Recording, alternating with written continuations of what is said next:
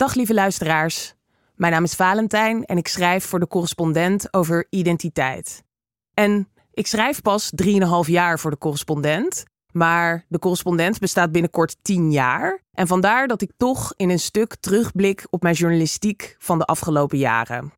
En als ik daar één rode lijn in mag ontwaren, dan is het ruimte. Wat hebben transkritische schrijver J.K. Rowling, vrouwenhatende influencer Andrew Tate en de controversiële modepop Barbie met elkaar gemeen? Behalve dat ik de afgelopen 3,5 jaar over elk van hen een stuk schreef. Het antwoord is dat alle drie de afgelopen jaren hun stempel drukten op grote identiteitsdebatten van onze tijd. Rowling middels een essay en een berg tweets. Tate middels korte, virale videoclipjes op sociale media. Barbie middels een recente kaskraker in de bioscopen. In elk van hun verhalen figureert identiteit als een soort zero-sum game. Hoe meer ruimte de identiteit van de ene groep krijgt, hoe minder ruimte de identiteit van de andere groep overhoudt. Het bestaan van transgender personen zou volgens Rowling de ruimte voor vrouwen zoals zij beperken. Als iedereen zich vrouw mag noemen, simpelweg omdat ze zich zo voelen, dan betekent het niets meer om vrouw te zijn. Tate ziet juist hoe het feminisme de ruimte van mannen beperkt, om dominant te zijn en hun natuurlijke overwicht over vrouwen te doen gelden. En de pas verschenen Barbie-film schetst een wereld waarin onze patriarchale genderverhoudingen precies gespiegeld zijn. In Barbieland hebben de vrouwelijke Barbies het voor het zeggen, terwijl de mannelijke Kens nauwelijks een rol van betekenis spelen. Maar hoe meer ruimte Ken voor zichzelf opeist, hoe meer Barbie en haar vriendinnen in de verdrukking raken. Kortom, de ruimte die de een inneemt, bedreigt de ruimte van de ander.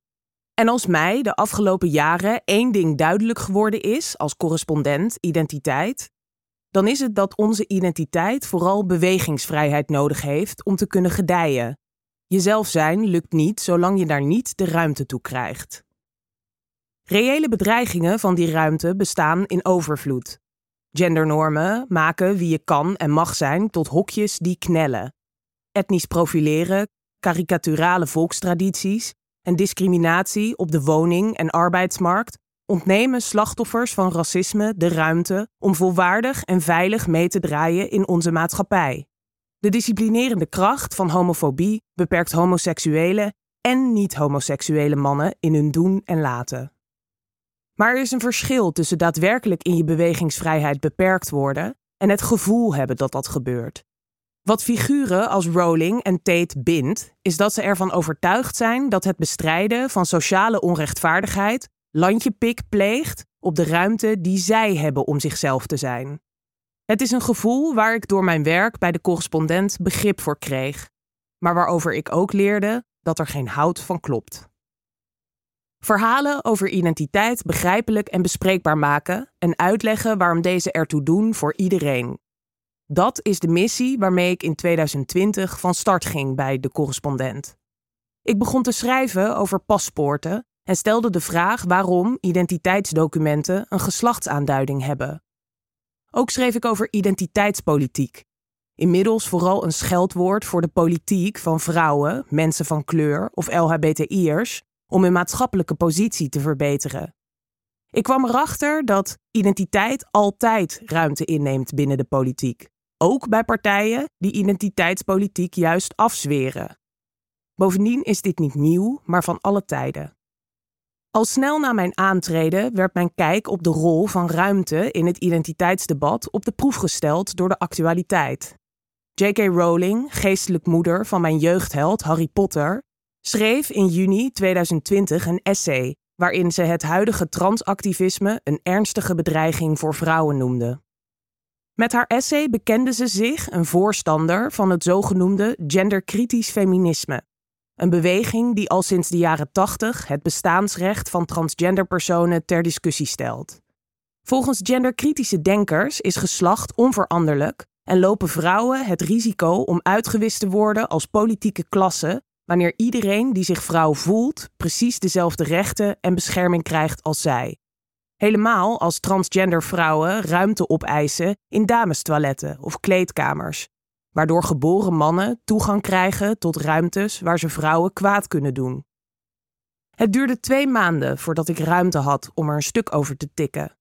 Rowling's standpunten maakten mij als onvervalst Harry Potter-fan boos en verdrietig. Maar tegelijkertijd schrok ik van de haatcampagne die vrijwel direct tegen haar gevoerd werd. Want hoewel ik haar conclusies onbegrijpelijk vond, snapte ik wel waar haar angst vandaan kwam. Ik deelde, en deel nog steeds, haar strijd voor een wereld waarin vrouwen veilig kunnen zijn. Maar ik geloof niet dat we daar komen door transpersonen te demoniseren en uit te sluiten. Ik zou daarna nog vaker terugkomen op de genderkritische beweging. In de jaren na Rowling's essay bereikte de kritiek die zij verwoordde steeds meer de mainstream, ook in Nederland. Ik schreef stukken over de taalstrijd rondom het gebruik van termen als mensen met baarmoeders, het wetsvoorstel dat het wijzigen van het geslacht op papier moest vergemakkelijken en bezocht dit jaar een conferentie van anti-transactivisten in het Ierse Killarney. In al deze stukken zocht ik naar manieren om vanuit nieuwsgierigheid in plaats van uit boosheid te schrijven. Ik merkte hoe empathie de ruimte voor nuance kan oprekken en de complexiteit blootlegt die onder de platgeslagen realiteit schuilgaat. Dat schept ruimte voor een gesprek en wederzijds begrip, in plaats van polarisatie en hakken in het zand. Een ander moment waarop de angst voor transpersonen en de ruimte die zij opeisen onder vuur lag, was in de zomer van 2021. Dat jaar deed voor het eerst een transatlete mee aan de Olympische Spelen in Tokio. Op de deelname van transvrouwen in de vrouwencategorieën van de topsport was veel kritiek. Want hoe houd je de sport voor vrouwen eerlijk als ze het op moeten nemen tegen atleten die in sommige gevallen vergelijkbare lichamelijke voordelen als mannen hebben? Het bleek een complex verhaal. Ik miste binnen het debat over de inclusie van transpersonen in de topsport een perspectief dat enerzijds realistisch was over de voordelen die sommige transvrouwen ten opzichte van hun cisgender tegenstanders hebben, maar anderzijds nadacht over hoe zij wel een volwaardige plek binnen de topsport zouden kunnen krijgen. Ik kwam erachter dat het bieden van ruimte aan transpersonen in de sport niet per se een aanslag op de eerlijkheid hoeft te betekenen, als we de manier waarop we sporten maar radicaal omdenken. En dat we het aan onszelf verplicht zijn die mogelijkheden te onderzoeken, vond ik belangrijk om te benadrukken.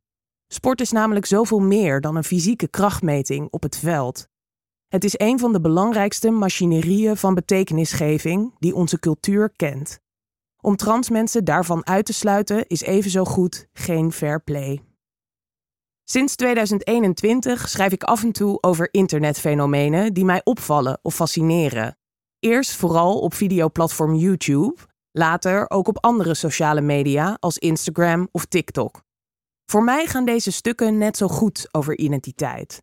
Sociale media en popcultuur zijn niet alleen een spiegel voor wie we zijn, maar ook van immense invloed op hoe we naar onszelf kijken, hoe we onszelf en anderen zien en begrijpen. Ons zelfbegrip bevindt zich daarom altijd op het snijvlak van de individuele ervaring en de gedeelde cultuur. Hoe laat de ander zich zien en hoe kijk ik daarnaar? Ik schreef vanuit dat oogpunt over een anonieme vlogger uit Japan, de verbindende kracht van online subculturen en de vooroordelen die sociale media helpen doorbreken. En zo kwam ik onvermijdelijk uit bij Andrew Tate. Bij influencer Tate is de link tussen online popcultuur en identiteit nog duidelijker. Hij werd in korte tijd enorm populair, vooral onder jonge mannen. In korte clipjes, die soms miljoenen keren werden gedeeld, trekt hij fel van leer tegen de in zijn ogen verderfelijke invloed van feminisme op het welbevinden van mannen.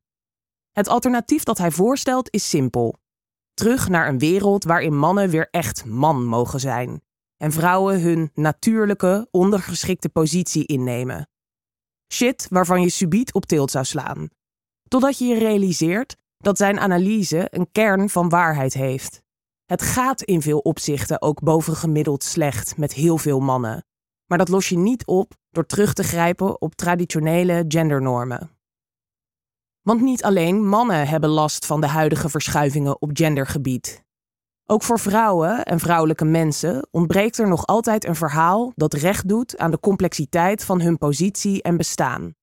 Daar kwam ik achter toen ik mij toelegde op de meest populaire en controversiële vrouw van de afgelopen 65 jaar: Barbie.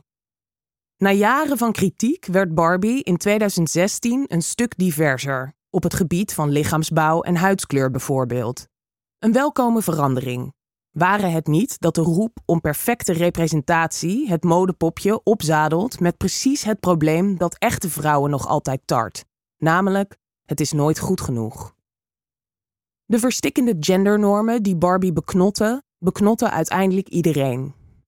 Zolang je niet aan heersende gendernormen voldoet, er niet uitziet zoals van een man of een vrouw mag worden verwacht, of je niet gedraagt volgens de geslachtsmores van onze maatschappij, dan kan dat je leven verdomd lastig maken. Met name transgender personen zijn daarvan doordrongen. Hun genderidentiteit past niet bij de rol waar de maatschappij ze vanaf geboorte ingedrukt heeft, wat zorgt voor psychologische lijdensdruk en minderheidsstress. En wanneer je wil dat de maatschappij je ware genderidentiteit ziet en erkent, zijn met name uiterlijke aanpassingen onvermijdelijk. Jarenlang is met name dat deel van de ervaring van genderdysforie onderbelicht gebleven. We benaderen het gevoel dat je lichaam en rol niet passen bij wie je bent, vooral als een individueel probleem, in plaats van iets waar ook omgeving en samenleving een rol in spelen. In mijn recente onderzoek naar de transzorg, momenteel hopeloos overvraagd, kwam ik erachter dat wij allemaal een verantwoordelijkheid dragen voor de gendernormen die onze maatschappij beheersen. En dat wij dus ook alle verantwoordelijk zijn voor het verlichten van genderdysfore gevoelens van transgender medemensen. Ook, of juist, wanneer zij niet voor lichamelijke aanpassingen kiezen. Ook hier wreekt zich een gebrek aan ruimte. We zijn niet of Andrew Tate of Barbie.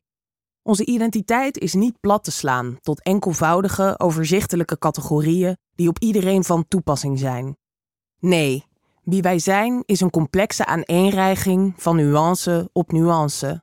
Alleen als daar meer ruimte voor komt, ontstaat er ruimte voor onze menselijkheid.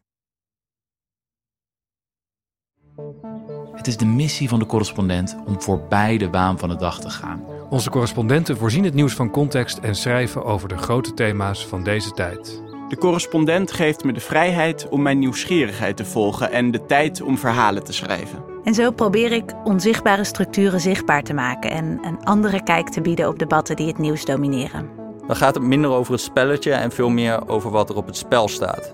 Vanaf dag 1 zijn onze artikelen, boeken en podcasts gefinancierd door onze leden. Volg ons op onze journalistieke zoektocht. Overweeg eens lid te worden van de correspondent. En maak daarmee samen met ruim 70.000 anderen onze onafhankelijke journalistiek mogelijk. Dus word lid van de correspondent. Ja. Word lid. Word lid.